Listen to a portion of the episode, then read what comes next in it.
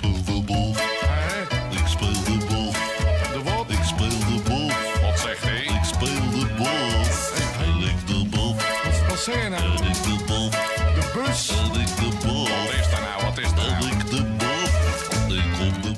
Yes, you're listening to a new episode of Basgasten, the podcast in which I interview well known Dutch, Belgian, and international bass players about their gear, career, and the people that have made them into the bass player they are today. Basgasten is powered by The Bassist, the magazine for the Dutch and Belgian bass player. And in this episode, my guest is Dale Davis. You might know Dale from his work with Paul Young, with Tina Turner, but most of all for his work with Amy Winehouse. He was her band leader and bass player for many years, and I'm very curious what it was like to play with Amy. Ik speel de boel. Dat was de. Hello, Dale. Hello. Hi, you're right. amazing how this this technique is working with everyone being online and streaming and you know Yeah, it's incredible. The, the quality is good. that's great yeah so um how's life in a in a corona crisis being at home well, yeah, I mean, obviously it's tough. Uh, I try not to get too down about the whole thing because it affects everyone else this, this levels, you know. So, but you were on tour right with uh with the amy uh project. Yeah, I was. Yeah, I was in Holland last week when it all happened. Uh, within two days of hearing that uh, things might go wrong, everything was called off. You know, so um, so now it's just being at home Yes, I am. I mean, you know, it's tough because if I wasn't working, then I would, you know, I wouldn't have, uh, I wouldn't have had anything in the diary. Then I, then I wouldn't be missing anything. But it was a long chunk of work, so you know, it's going to be difficult to try and sort that out. And if you'd had this conversation with me two weeks ago, everything would have been totally totally different. Yeah.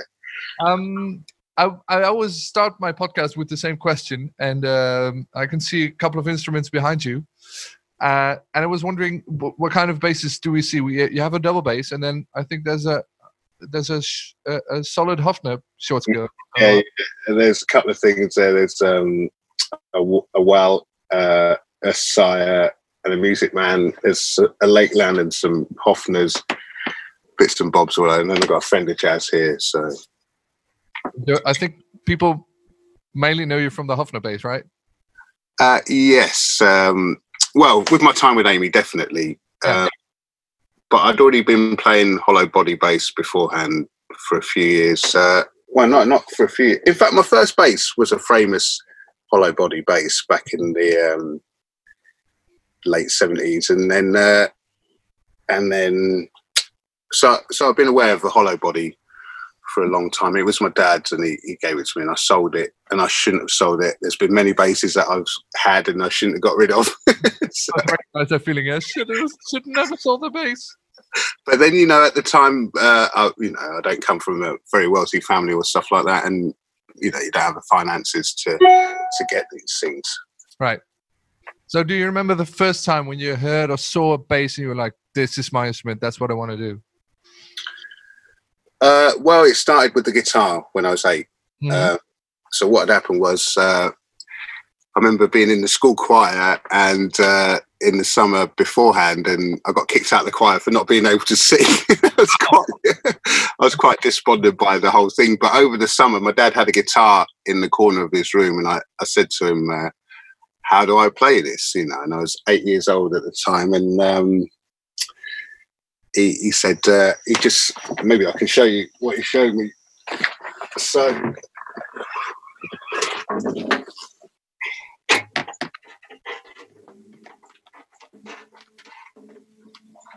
So he, he just said you have to uh, know all the notes on your guitar like that. So he just went like that to me. And then two weeks later, I came back and said, Dad, I've I've learnt it. Look. He went, No, no, no. So he said, This is an E, this is an F, a G, A, B, you know. So and then he showed me E, A, showed, showed me the basic chords and um so that was that. So I started on the guitar but I could, used to teach my brother and my dad bass lines at the time, you know, so I'd work out the bass for them. So they'd play along bass while I'd play along the guitar. You have to bear in mind that my dad had only just started playing when I was two years old. So he was a very late starter and, uh, you know, self taught. But only on a semi-professional level. So anyway, um, I remember the first time I was into a lot of things at the time. I was into Hendrix, uh, the Who, the Stones, the Small Faces. So it's a lot of guitar-based music. Yeah. The classic guitar bands from the 70s. yeah, so I wasn't, you know, as- I wasn't even really aware of John Entwistle at the time, even though, you know, so I'd listen more to the whole group. But then my mum was a big Donovan fan, uh, you know, Donovan, folk singer. Yeah. So, um, and I remember seeing a concert on TV and, and I remember recording it on my little Philips. And uh, I could remember seeing Danny Thompson, the double bass player. And, Right. But, um, but then I went to see him a couple of years later as my first concert. And when I heard him play, that's when I became aware of the bass. You know, I was aware of the bass always, you know, when I was starting out to play, but that's when the bass really turned me on to to playing the bass when I heard him play. You know, so uh, he's a great bass player. And I never played double bass. You know, I've got one here, but I don't play that much. But um, he was the first person who got me into the bass. So what made you then choose the bass guitar over double bass? Because, you know, Danny is a great double bass player, but still you picked up the bass guitar. Uh, what happened was uh, I'd actually stopped playing the guitar when I was 12. I had a couple of post- posters of Jimi Hendrix on my wall, and I, I thought to myself, I'm not going to be as good as you, you know. So obviously at the time, you don't realise how great he is, and it could be a lifetime, you know, trying to emulate someone like Hendrix. But um, uh, so I stopped playing the guitar, and I was playing football, you know, as boys do between the age of 12 and 14. But then, yeah, but then um, when I was 14, there was a drummer that I used to know in our school, and he was going to join the school band. And he said to me, he said, Dale, I know you've got a bass. Do you want to join the school band? And I hadn't actually played bass, you know, at that point on a gig. So I joined the school band, and that was it. As soon as I started playing bass, then people would just ask me to join their bands at school and at, at college and stuff like that. So I was out playing, you know, gigs from about the age of 13 on the bass, 14 on the bass, you know. So mm-hmm. I used to go out and play. Did you ever take any lessons, or was it just self-taught and just accept, uh, like kn- knowing the notes on the neck as your dad told you? No, I don't even know the notes on the neck anymore. So uh, I am self-taught. I mean, I, I'm a very poor learner. You know, I, find it hard to learn things, but my natural instincts were quite good. You know, so my ears were quite good at the time. So um, you know, I just rely on that and very slow learner, but my instincts were good. So so that That helped. yeah, but then as soon as I started playing, people, you know, I'd literally be playing, especially when I got to college, I was playing, you know, five nights a week, Mhm. um, just in with, with the bands and out playing. So pe- people would call me because they knew that I could pick up things quite quickly at the Yeah. time. But still, no, no, no notion of any notes on a bass. Well, I did know at one point, but you know, we were talking about the uh, the the uh, the hollow body Framus bass that you that was your first your first real bass that you Yeah. sold. Yeah. Have You tried to buy back or try to find it. I can't find them anyway. Anywhere. I wish um, I'll have to send a photo of it. But um, whilst that was the first bass that I had, my dad he just started playing bass, and the first bass that I ever touched was his Fender Jazz. You know, uh, uh, so so um, and I've got it here now. So I That's, that's actual bass. yes, this is it. Wow. So I've had this since uh, my dad's had this since well, it's a 1971. Yeah. Um, Looks great. yeah, I mean, he had it in good condition, and, and I've sort of like destroyed it in the 80s. I put EMGs on and, Right. you know, hip, Yeah. hip shot and new tuners, took off the scratch plate. Um, but then a few years ago, I, I found the original pickups and they're all still working, Wow. which uh, I've been tempted to put in, but then the EMGs have started to sound better again, so I've just uh, left them. You know, so. So that was the first bass I played when I was 10, and when I first started uh, on my first gig, I used that, bass, you know, and we had to learn uh, for the first four songs on in the school um, concert. There was uh, the um, we had to do "Tears of a Clown," I think, uh, "Walking on the Moon," and then I had to learn "Master Blaster," which at the time I didn't realise was a difficult tune to learn, you know, and I had to learn it all by ear and to this, you know, I wish I'd known. And I never got into Stevie at that point. You know, I was still listening to a lot of um, rock and guitar based music. So you know, I sort of like ignored dance music for a long, long time. It wasn't only until I came to London. So how did it? I mean, uh, I read that you put all your stuff in a small Renault and then drove to London to quote unquote make it. yeah. What made you? What made you do that? Like, just picked up his stuff and go, "I'll just go to London, see what happens." No, it wasn't. It wasn't like that at all. It, it was a long term thing. I, I realised at the age of thirteen that I'd have to get out of Reading, you know, because there was no ambition. Um, not, you know, it's not really that way inclined. So I knew I had to go to London at the earliest opportunity. So when I was twenty, I said, you know, I just finished college and worked in a bank for a year to try and get enough money to get a base together. Got the sack, uh, they, the payoff bought me the bass. and then, and that, For the base, bye bye. but the thing was, I would never have earned enough money to buy a bass. So it was the sacking that gave me the money, Right. you know, because they gave me enough money to get a bass and an amp. So uh, that was it. And then I, um, I decided to go and study back in London because I just finished uh, college. Mm-hmm. So And I was, did you buy from the payoff from the? uh, I bought a Wal. Everyone's going to see my collection. It's not very big, but Well, it's big enough.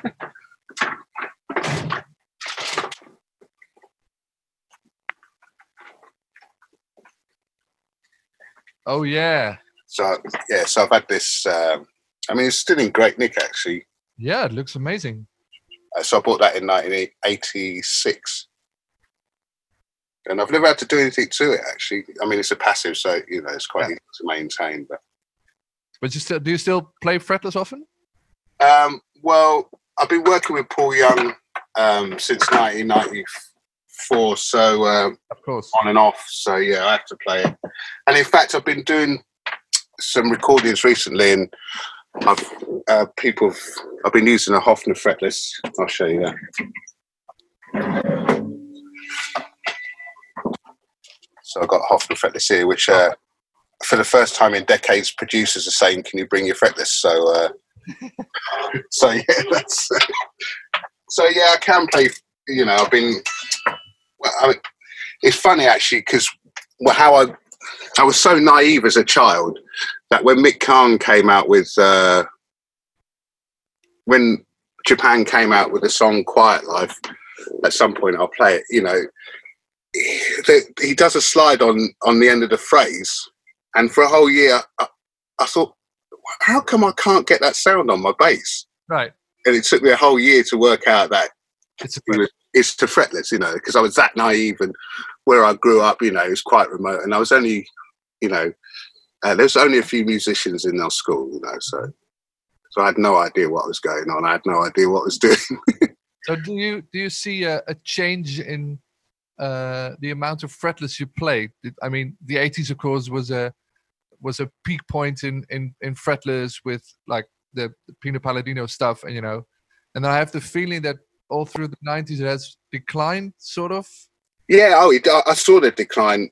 Um, I mean, I started playing fretless when I had a Guild B301 and I took the frets off. You know, once wherever I'd lay my hat come out, Of you know, the fretless was very popular at that point. But even, you know, I was into Mick Karn before that. I used to listen to Percy Jones from Brand X, you know, and even though I couldn't play any of his stuff, I just liked to listen to. Yeah. Um, and then, um, so once Pino came along, I took the frets out of my guild, put an ebony board on it, and played fretless for uh, for so long. I can't remember. I didn't have any other bass. I had a fretted bass, but it wasn't as good as a fretless, so I'd use a fretless for everything. And at the time, Pino, I remember reading an interview about he'd slapped on his uh, Music Man, which was quite unusual. But Yeah. you know, my guild was set up in a way that it was easy to slap on. So so you slapped on a fretless. yeah, but I haven't slapped since the eighties. So uh, Must be weird to play slap bass on a on a hollow body Hofner bass. uh, it works. though. I mean, it depends. You have to set it up properly, but you know, you, you're not going to do it very often. You know, often have got their own thing, but So and you're still playing with Paul Young these days, right? You still Uh, like, well, I, did- I filled in for him last year. I mean, uh, because I was doing Forever Amy uh, um, a couple of years ago, I had to step out the uh, the gig to, uh, for Paul. So um, you know, I, I work on this theory that like, your gig, you run the risk of losing it. So once it, you know someone else got it, and it's fine because I've been doing it on and off Yeah. since night. because the uh, the uh, Forever Amy gig is that like a full time uh, playing gig that you can basically uh, uh, uh, make a living out of, or is that just a touring thing for a couple of months a year and then doing other stuff?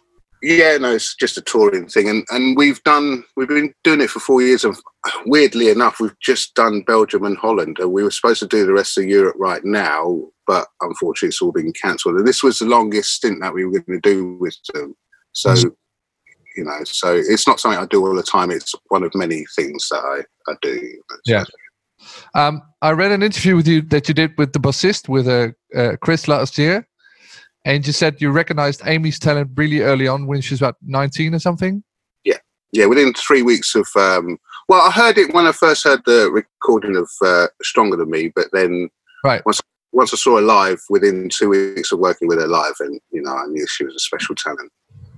basically um, okay well i'm making now watching my own stream um, and it, it must be sort of strange to play that music with forever amy but then with like with with, with a couple of the old guys with the old band and then without amy is that is that weird to Well, it was weird to start off with, and I think it's always going to be weird, you know. But then, um, I think uh, it's a natural progression uh, when passes. Even when someone's alive, I mean, people just saying that they would have kids play their music as a artist. So it's so whilst the artist um, moves on, the music doesn't. You know, Yeah. just- the music's here to stay. So it's a natural progression, and um, yeah. So once everyone got comfortable with the whole situation, then and also once you see the crowd reaction, Yeah. you realise they they want to see that. So yeah this is the, like this is the closest we're gonna get to the original quote unquote yeah, and so you've seen a, a different crowd as well. You've seen a lot of uh, young girls in their twenties um, who are coming along who would have been eight, nine when Amy was out. You know, so it gives them a chance to see see the music, and it, you know, it's a good show in, with the original band and stuff. So Um, do you do you find it annoying? Mean, you've played with Norman Cook, the guy also known as Fatboy Slim, Paul, Tina Turner. You play with Emily Sandé these days. Uh, do you? Uh, what what? I think most people will know you from the Amy gig. Uh, does that is that annoying, or are you okay with that? Or Uh, no, I mean, uh, it, you, you, when she died, I knew straight away that I was going to have to talk about her. You know, so we had a close association. Mhm. Um, people come to me to talk about her, so it, it's just the way it is. You know, you, you know, obviously, um, it doesn't really get on top of me, but it, it is constant. yeah, It, there's not a day that goes by without the uh, Amy connection. You know, even here talking to you now is as a result of my connection with Amy. You know, so, yes, definitely. so I'm fully aware of that, and and it's while she's not here, it's great to be a part of her history as well. You know, so. You uh, you talked a bit uh, in the interview about also about uh, uh, the live shows being like semi improvised, like Amy would like uh, uh, uh, sing a certain way, or you guys would play in a certain way, and then react to each other.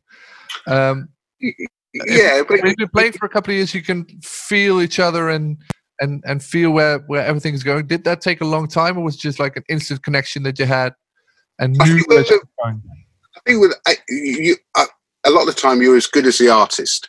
Mhm. as a musician, you know. So, and Amy was on fire. She was amazing, you know. She really Yeah. was. And she was the easiest person in many ways to work with because she just got up with her voice and and could deliver, you know. And when she used to play with a guitar, she didn't need even a band. She could just literally stand there and sing and play, you know. So. Yeah.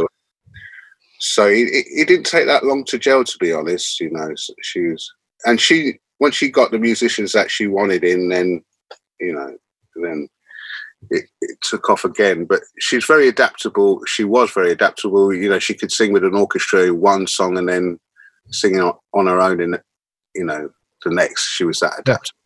So you didn't really have to find out where she was going. We just follow her and then see if you can give her space. And some well sometimes i mean the way that her music's written it's very it's not necessarily full of chords and full of chord changes Right. trying to follow amy amy does the singing and the music sits behind and lets her do what she wanted to do you know so and that's also really your kind of playing. Like you're, you're really a, a, a musician that follows the artist. That's like the, the main artist, right? You're not really a, like a flashy.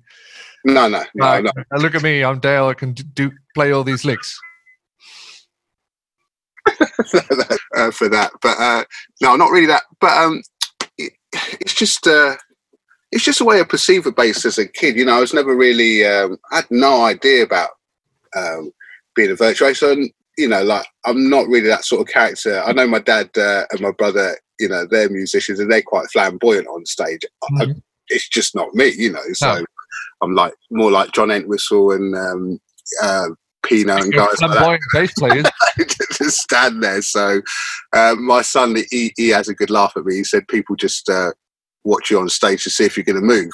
You know, so, so that's the sort of thing I put up with.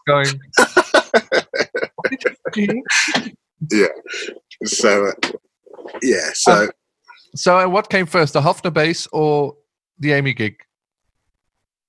um, the Amy gig. The Amy gig came in 2003, which was a year after I bought my uh, Epiphone Rivoli. ah, Um, right. But when I um, when I joined Amy, I wanted to use my Epiphone, but the musical director at the time, Ian Barter, he said that he wanted me to play a five string. So for the first, yeah, I know. So I played five string on for the first year and a half with Amy. Wow. Yeah, I, I think I've seen Amy's a show of Amy at the North Sea Jazz Festival. I think it was 2004. Yeah. Yeah, that was with another bass player, and he played a five. Oh, no, that was uh, that was uh, yeah, because she had two bands at the time. She Right. did a trio playing her songs, and then she did a full band playing the same songs. So, Yeah. So that was Pete um, Cochran who did. Was Yeah. that the first time you played a five string?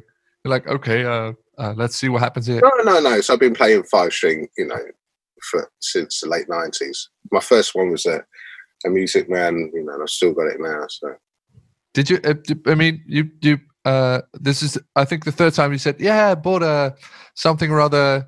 Twenty. I still got it. Here it is. This, this the frame was all about it. The only bass you sold. no, no, my guild, I got rid of that stupidly. Uh, uh, which at the time you had no idea. You know, I was so after the Wal sound, uh, uh, but then it's funny because I think it's uh, it's a great sound, but it's quite dated. You know, and um, the the action on the Wal is very different to what I play now. You know, when my first when my dad gave me his Framus, the action was so high it was unplayable. You know, but my dad at the time he really likes high action because you get a, a clear sound. hmm You know, so but I've gone more towards that way. Sometimes you know, if the more difficult the bass is to play, the the more it's going to you know it restricts me. Then it's going to sound better. Yeah. So you restrict restrict yourself from playing Yeah. too many notes by having a bass being unplayable. yeah, it's a good excuse as well to not play. Can you play this complicated riff? Um, no, because my bass is unplayable. it's not that bad, but you know. So, but so, so sometimes you go for the weight of, weight of the note, you know. Yeah. As opposed to so, but then you when you joined them, you had a five string. But then, how did you end up with like the solely old school hollow body Hofner sound? Uh, well, she was quite retro anyway. You know, originally, as well as using the uh, five string, I'd use my four string, uh, my Fender. I used a Fender for a while. But as I say, um, I would have used the uh, Epiphone more, but it was quite awkward to carry because it's a Yeah, because of the shape of it. It's not the easiest thing to go on the road with, put on a plane or, or stuff like that. And then, Right. so I spent, I, I wanted, once I heard Back to Black, you know, we'd listened to Back to Black and Amy said, uh, I've made a simple album, listen to it. And it had a, it's it's not even a hollow body sound, but it had that old sound. It, that, it and I've dis- discovered that Nick, you know, was using a, a Gibson Grabber, that Binky from the Daptones had given him. But um, so he, had that old sound, and then Salaam, who played the other half of that album, he had a very old sound as well. So Yeah. uh, I wanted a hollow body sound because I like the sound of my Epiphone, and I tried to find a Gibson EB2, but there was only a couple that I saw, and they weren't in good condition, and they wouldn't have been able to be used straight away. You know, That's very the, the EB2 is very similar to the to the Epiphone, right? Yeah, yeah, yeah. And I, I've got the two pickup one, you know. so All right. Yeah. It's the last one ever made, luckily. Uh, so, Wow. yeah, Gibson tried to buy it back off me, and uh, I, s- I said, unfortunately, no. No. no, no, no, This is mine. No. yeah, but I mean, you know, they're great bases, but it, Yeah. you can be, you can tell that it's Korean made because of the the actual feels slightly bit, you know, not not as solid as uh, as an American one, but Right. yeah, but it's still great. And so, so I spent six months trying to decide on what hollow body bass I could get, and I went through everything, uh, you know, sort of everything possible um, that was going to be practical because the Gibsons, as great as they are, they're just, you know, the size of it makes it impractical. And then I was sitting here one Sunday afternoon, and I went. I just went Hofner, you know, so it came into my head. And funny enough, when my dad, when he first played in, you know, he used to do a lot of uh, calypso music, and so Mhm. the guy that used to play in his band used to have a Hofner violin, and so I remembered it from that. You know. So I got in touch with Hofner, and they sent me down to Macari's. So they said you can go and take a contemporary bass. So I went down there, took a contemporary bass, and on my way out, I said to myself, "Let me just hit the uh, E string on the uh, German made Oh, so I just hit it and I went, right, I'm coming back one. So I got in touch with Graham at Hofner and, you know, he got me the violin that you saw me playing with Amy for many years. And um, at the time I went in there and I'm not, not quite sure he was convinced who I was, you know. So uh, I said, I'd play with this girl called Amy Winehouse. And then the next thing, the first gig I did with the, uh, with the violin bass was the I told you I was trouble video. So it got used straight away, you know. And, and at Yeah. that you know, so that so he would have known who I was after that point. you know, and he was a big star at that point as well, so it, it would have helped uh, the Hofner profile. Not Yeah. not by me necessarily, but you know, I think you might be one of the few people that didn't buy a Hofner violin bass because of Paul McCartney. or was it or was it a, an association like wait a minute, I know this guy from a band called the Beatles who plays a hollow body bass. No. Well, the, okay, I'm sorry to say this, and I'll probably get shot down by Paul McCartney at this point, but. When I was growing up, my mum was a beat. Uh, my mum was a Rolling Stones fan, so she she didn't she's she didn't you know some people either like the Stones or the Beatles. She was a she was a Stones fan. My dad was a Stones fan, so there's never any, any Beatles in the house. And you know, and you have to understand they came over from the Caribbean around that period, so the, the they would have had their own struggles. Sometimes you know, and sometimes I think some things can represent something. But she, um, so we were Stones fans, so I made that conscious decision not to get a, violin bass because um, I didn't really know any Beatles stuff, you know, and I wasn't. Right. But then Graham said that's. I wanted a club, and Graham said no, we don't have any clubs in. But I was, I was so desperate for the sound that I just took the violin. Yeah. But so I went up to uh, Hofner in uh, Watford and Hertfordshire and picked up that bass, and it's the most per- perfect bass you know I'd ever picked up and played. I didn't have to do anything at all to it. So um, so it's great right from the off. And I remember because Hofner don't put dots on their uh, fingerboard, do they? You have to put them in yourself Right. On the top part. So I took it to my tech uh, to put in some dots, and he went to adjust the uh, bridge. I went, no, no, no, no, don't do that, don't like you know, because Don't do anything. don't do anything until it stop. so, so that was it. And I've ne- the only thing I've had to change is the pickup circuitry because sometimes they go down, but other Yeah. than that, you know, I, I haven't even really changed the strings. I haven't changed the strings But being ha- having grown up in a in a Rolling Stones household, so to say, did you ever uh, um, uh, try or maybe start out playing the Bill Wyman way? So over the fretboard and then with your thumb, like Yeah, I mean, I do that. You know, I naturally play towards the uh, neck as opposed to the bridge. You know, so yeah. But you play fingerstyle, right? Like, it's not the, the, the original Bill Wyman thumb kind yeah, of. yeah. I did start off playing with my thumb and a pick as well, you know. So, uh, and then progressed to fingers many years later. So, no. Got wise. yeah. No. So, um, no, I didn't really. The thing is, as well, at the time when you're listening to music uh, on on a little radio speaker, you can't hear the bass. Right. You know, you, you and I was literally listening. It'd be a little speaker like that, and you'd have to use your one earpiece sometimes. So it was very hard to hear the bass at the time. And as I say, it was only when I went to see Danny Thompson playing the double bass and realizing what the bottom end was doing that you know it got me into that. So, even though I was aware of it, because I'd have to work out bass lines from my, you know, as I say, from my brother and my dad, Yeah. and then I'd have to go and, you know, so that was yeah. Um, I'm wondering what the um, if you can still remember, or maybe you still have it, what the single worst bases you ever had. Like you bought it, like no, this is a dog, but I still I'm gonna keep it or sell it. Well, there's a couple. Uh, uh, definitely the bass collection uh, guitar, which uh, the Bass Centre built at the time. I think this was um, in the mid 80s. It's, it's a long story, but I had a Music Man, 1976 Music Man uh, st- Stingray. Yeah. But it was a maple neck. And it, it was great, you know, and it was 1976 great. And um, everyone was starting to move into the five string technology at that point, Mm. you know, to keep up with the keyboard players. So I remember going to the bass center um, and being very young and stupid. I'd been out the night before, probably had a few drinks. Not that I'm an alcoholic or anything like that, but just had a few drinks. Took my bass down to the bass center and ended up swapping it for a bass collection, Oh, which God. so Barry Barry must be, you know, he must have thought, "Wow, I've done a really good deal here." But then. I, bought, I bought the bass collection, and it it just wasn't a great player. You know, I had a Westone Thunder One A when I was a teenager as well, and that wasn't necessarily great. But they're they're the only couple of basses. There's a lot of basses I wish I'd kept on. You know, like uh, uh, the first five string I ever used was uh, an Alembic. oh wow! it, it was a great bass, and I should have bought it, but the the headstock. I couldn't get on with the headstock, and it's something as something as trivial as that.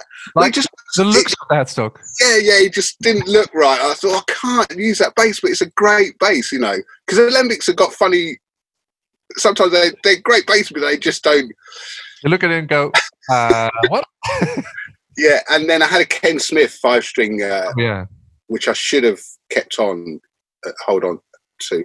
Pino offered me one of his fretlesses when I was working with Paul Young. I should have taken that, but I was coming to the end of this uh, the stint with Paul, and hmm you know, and uh, I think he kept on to it. But yeah, I should have taken that. I mean, there's just Definitely, you could yeah. buy a bass a day if you really wanted to, you know, if if I had my way. So what was the most, most surprising one? When you picked it up, maybe except for the Hofner, you went, "Oh wow, this is perfect." Uh, did you have a similar experience with another bass where you picked it up, didn't expect much, and then went, "Wow, this is this is this is amazing." yeah, funny enough, uh, you know, even the cheapest bass I've got the uh, well, it's not even the cheapest, but the Hofner Galaxy. Oh yeah, So in the, blue. uh, well, it's not. I suppose it's. I Well, don't know what they call it. Is it aqua green or ocean green? Um, so I picked it up and you know they're, they're budget bases, aren't they? Yeah. And uh, it up, kept playing it, and the strings suddenly went dead, and the sound is in the strings, you know. Mhm. And the action on it was really good. So I use that. The only thing I wish it had better pickups on it because it's a great sounding bass. It just needed more output. I've spoken to Nick at Hofner about this, and he said that you know, really, apart from winding, put more windings in the pickup, you're not going to get much uh, output out of it. But but then you know, the the hollow body Hofners make up for that really in Yeah. terms of output. I want to go back to something you said, like between. Uh, you said the sound is in the strings. Yeah. What do you mean by the sound? Is it like uh, a bass can sound totally different because of a set of strings, or good strings make a sound make a bass sound good? Well, a, lot of the time, when I was a kid, I used to, when I was younger, I used to change the strings quite often. You know, you might change them every six weeks, two Wow. months. Uh, well, Mark King, I mean, he changes them every night, doesn't he, or something like that? I think. Yeah. I think. So you go for that. For sort of, if it depends on how brilliant you want the sound, Mm-hmm. um, then you change the string. But then after a while, I stopped changing strings because I like the sound. And then I discovered it's like a bad hair, isn't it? You know, it goes bad for a while, and then after a few weeks, it settles down. Yeah. So, so um, yeah, so that's what happened with the uh, strings. I discovered that if you leave them, and also the music I was playing was quite retro, so it needed that old sound. And Yeah. on my uh, Fender Jazz here, you know, it's got old, um, it's got flat wounds on and put bridge dampeners on there and stuff like that, just to get the sound dead, you know. So Yeah.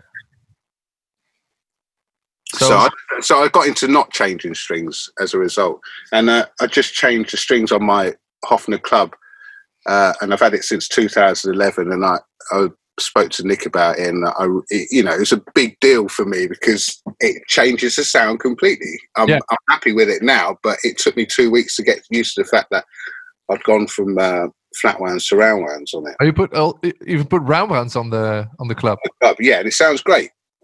You know, so it just shows you it's a great sounding bass that can take both. You know, Yeah. strings. What made you What made you switch to the rounds?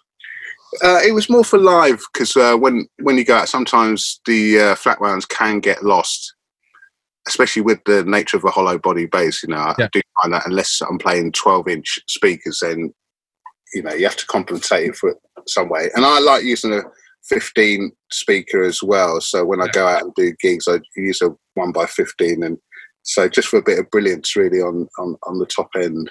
And then there's a one by fifteen. And which amp do you use?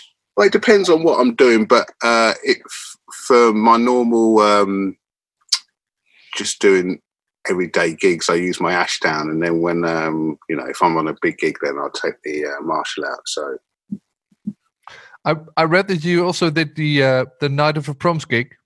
yes, I did. Uh, and I, I mean, I can imagine that it's a lot of reading. no, I don't read. So uh, Now, how does that work? Like orchestral work without reading? uh, well, it's it's sounds um, less daunting than it is because a lot of the time you're using those. Uh, they're using pop classical songs, Mhm. so a lot of those songs I would have known just through listening, you know, on Yeah. the radio and stuff like that. So, and um, the arranger would uh, send the audio and the charts if you needed them. Um, I don't really chart. The only time I'll read something is if I chart my own charts, and it doesn't happen often. I actually try and do stuff without reading charts. I try and memorize everything. Uh, so when I go on stage, I can just use my ears, you know. So Yeah. so So that, that, that, I mean, that's not to say that you know it sounds quite arrogant to do that, but it's just what works for me. You know. yeah, so, of course. But if you write your own charts, just write like first chorus, bridge, so many bars, etc., etc. uh, yeah, and, and what chords they are. But as I say, uh, sometimes when when I found that if I've got a lot of t- tunes to learn, sometimes I might have fifty tunes in my head that I've got to learn, Yeah. and, and, I, and I just might score out some of them if I'm ru- rushed for time. But most of the time, I will try and put things in my head so that I don't, you know, I could just play and just use my ears at that point. You know, So you, I, I guess you are pretty proficient at memorizing tunes by now, right? Um, yeah, well, yeah, and you know this, and the seat. Well, for me, I, I, I just learn structures. I don't, you, you know, because sometimes when unless you rehearse with people, Mhm. Not everyone's going to play it the same way. So you just play the structures, and you've got to react quickly when the changes come along. You know, Yeah. so. Um, do you have tricks uh, or stuff that people can use? Uh, I'm I'm I'm very bad at memorizing tunes. I can write I can write a chart while listening to it, like write down the chords, put a guitar in my lap, and just write it out. But I'm very bad at then memorizing it and playing everything by heart. Yeah, Are there tricks that you use to, structures, or that you used to? Well, that, that, I've just said it there. So I'll use structures. So, um, especially in the genre that I, I I've been doing over the years is pop music. Um, You know, whilst there's lots of versions of pop, essentially, you know, you've got your first chorus, first chorus, mid, late, outro. Yeah, yeah. So once you, um, you know, once you once you know that that those sort of structures are happening, then you're just learning what's within inside each section. Mhm. And then, uh, especially on function gigs, you know, people will call me up and stuff and say, uh, I've got a function gig tonight. Um, these are the tunes. Sometimes I won't even bother listening to the tunes because I know that if I listen to the tunes, not everyone's going to play it the same way. You know, Right. so, so you just got to turn up and use your ears, and and that's how I do.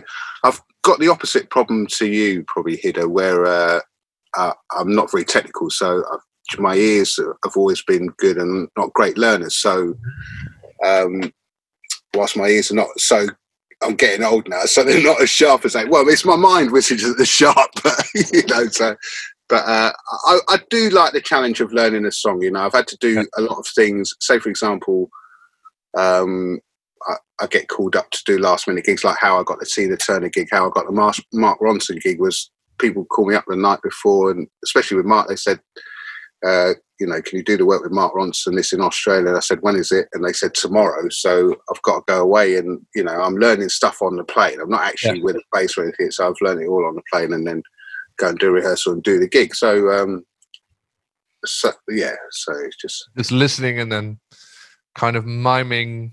Eh, it might be there, might be there. Just Uh, well, not necessarily miming, because you know, generally I know the notes, you know, in my head, so so I can uh, have a go at that and do it that way.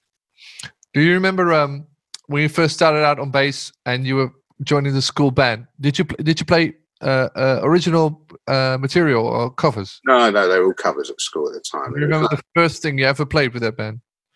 Yeah, well, it was on, on that concert. The first concert was um, it was uh, Master Blaster, Tears of a Clown, Walking on All the right. Moon, uh, and the other one was on my radio by the Selecter. Nice.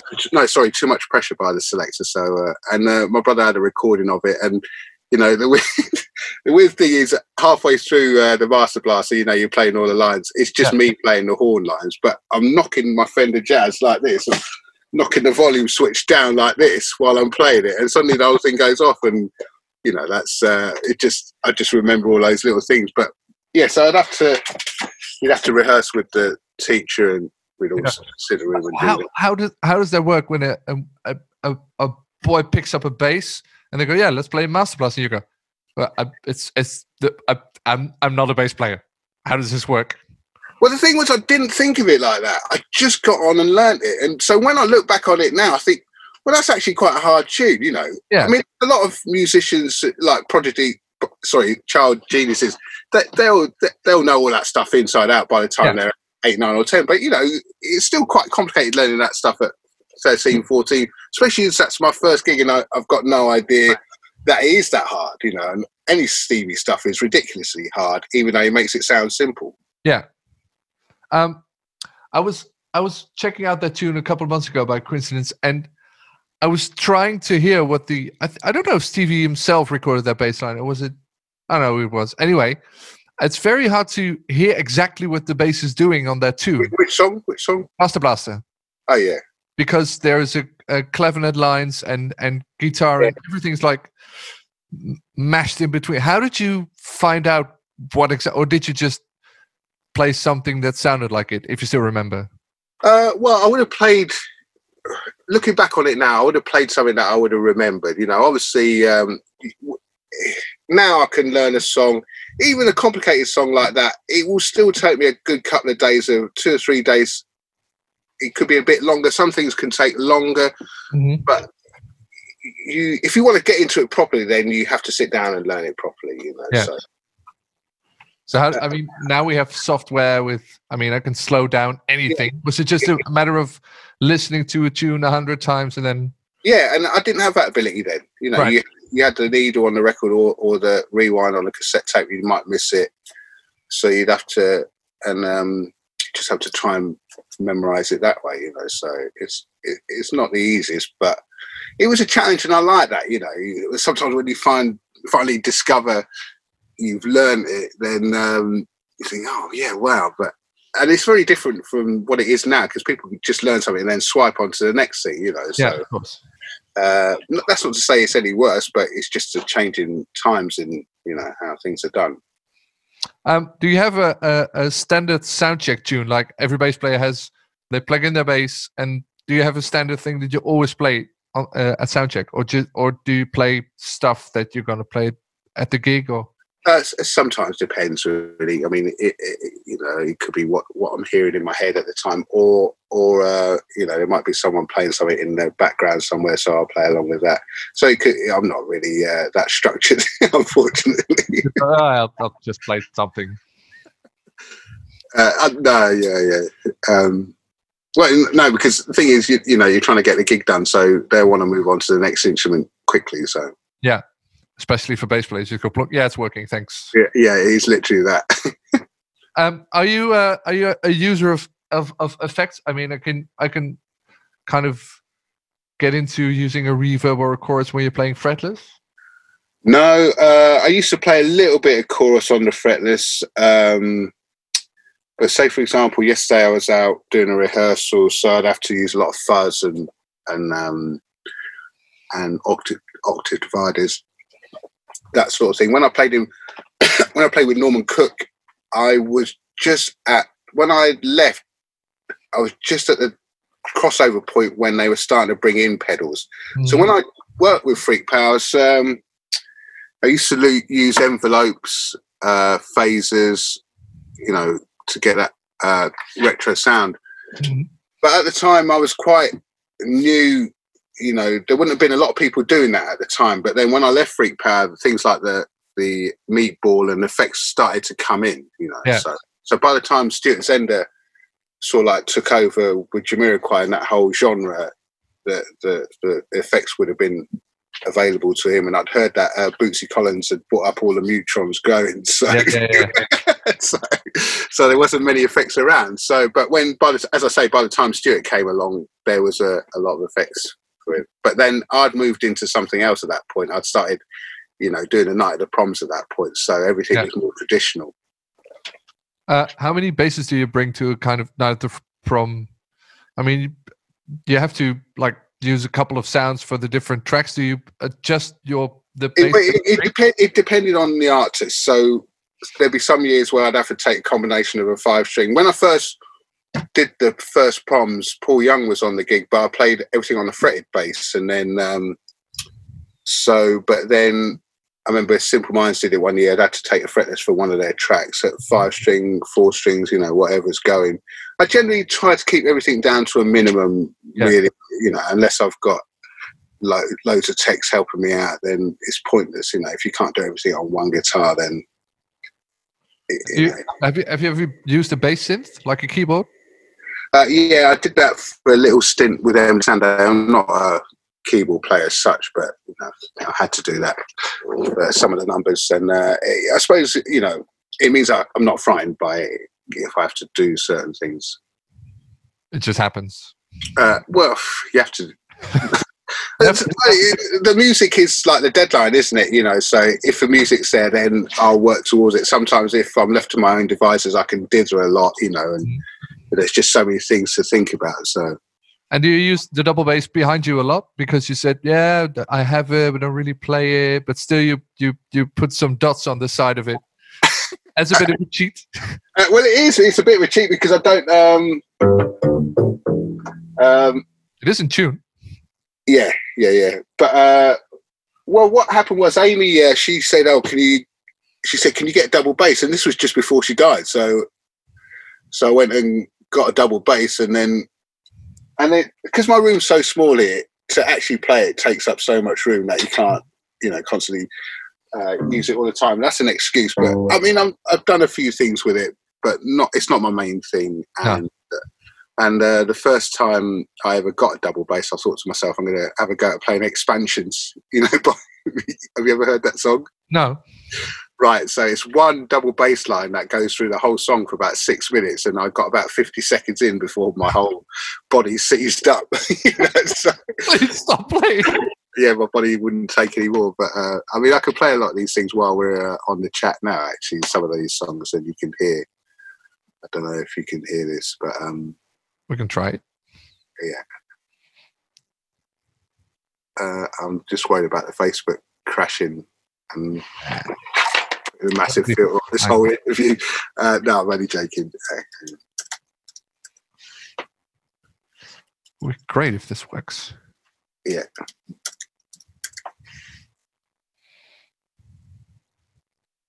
Uh, no, wrong song.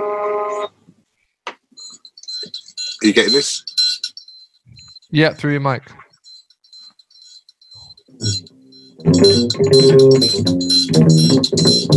Oh yeah. So it just goes on and on like this for six minutes.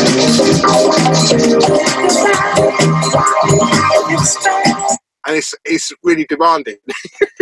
That's the Lonnie Smith uh, thing, right? yeah, that's it. Yeah. Yeah, and it's just the same line all Yeah. piece. Yeah, so exactly. So when I got the double bass, I thought, right, I'm going to have a go at that first before I do anything else. And uh, lasted 50 seconds. It's a bit of a a bit of a, a big leap to take. to start out with with expansions. Yeah, no, that Yeah, I can do this.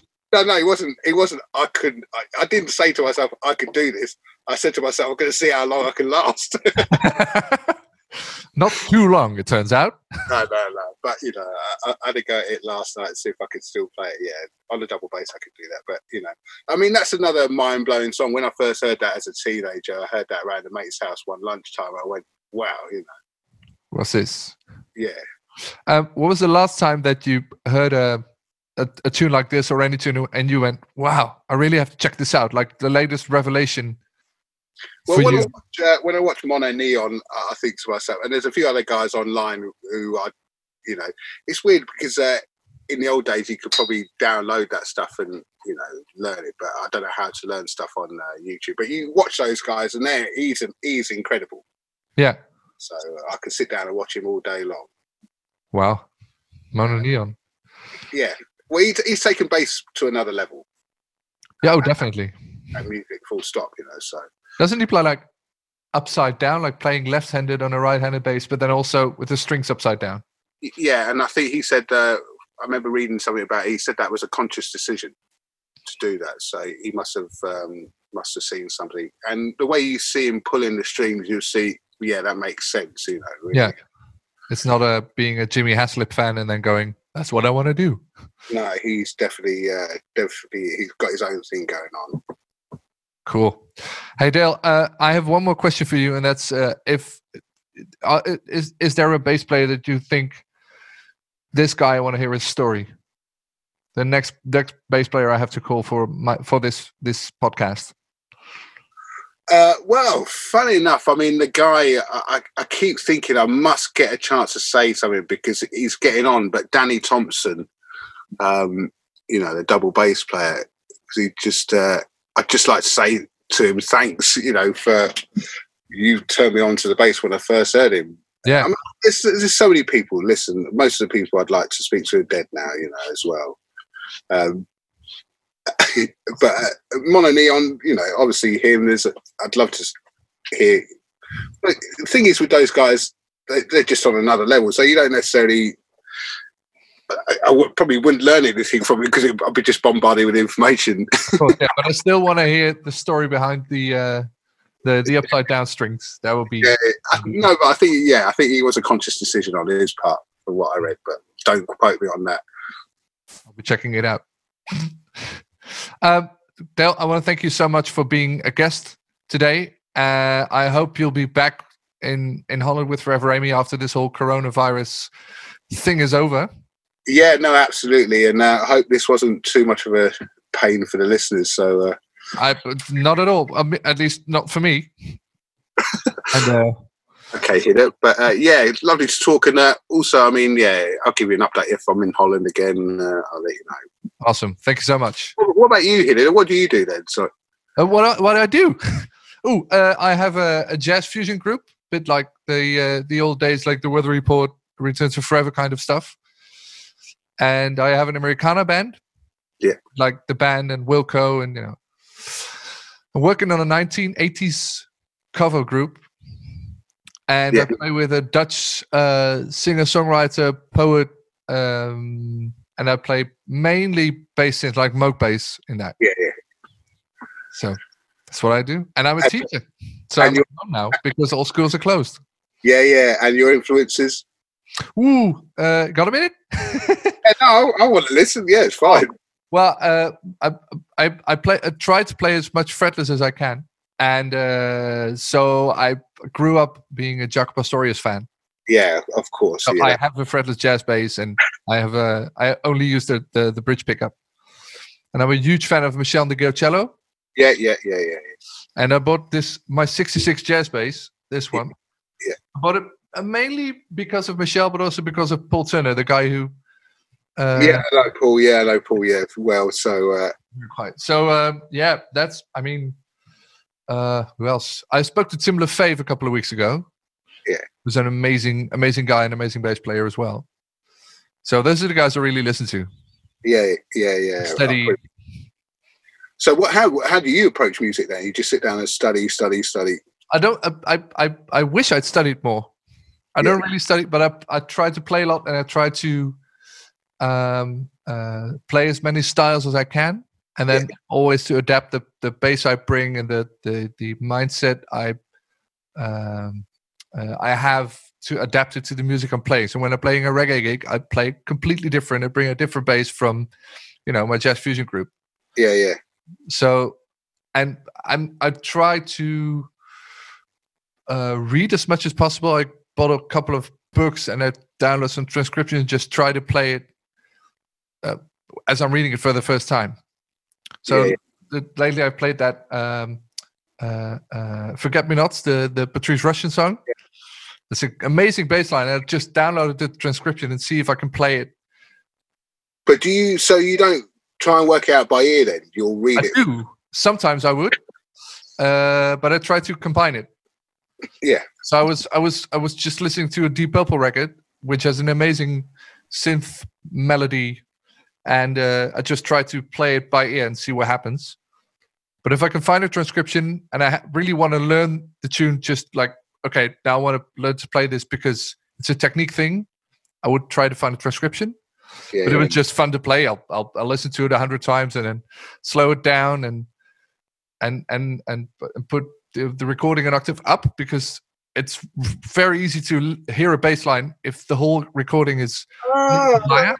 So if you can't hear what he's playing, that's- yes. Oh, well, very interesting. I've learned something today. Thanks, Hida. that's for everybody. Especially with like the the, the I I had to transcribe an Alice in Chains tune, which is in I think drop C sharp. Yeah. Which is way too low for my ears to hear. So I just raised the octave and just go, oh, okay, this is easy. Ah, that's interesting. I mean, I, I, I try and listen to everything as low as possible, but that, that is interesting.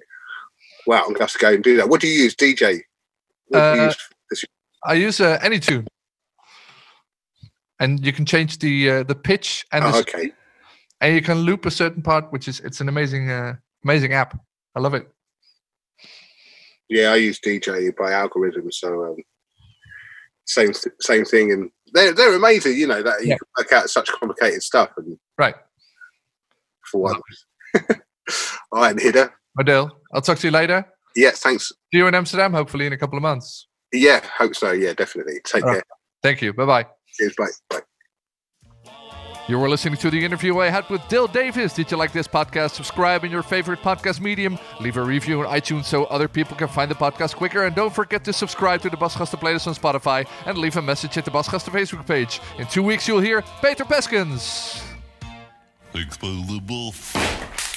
Dat was de bas.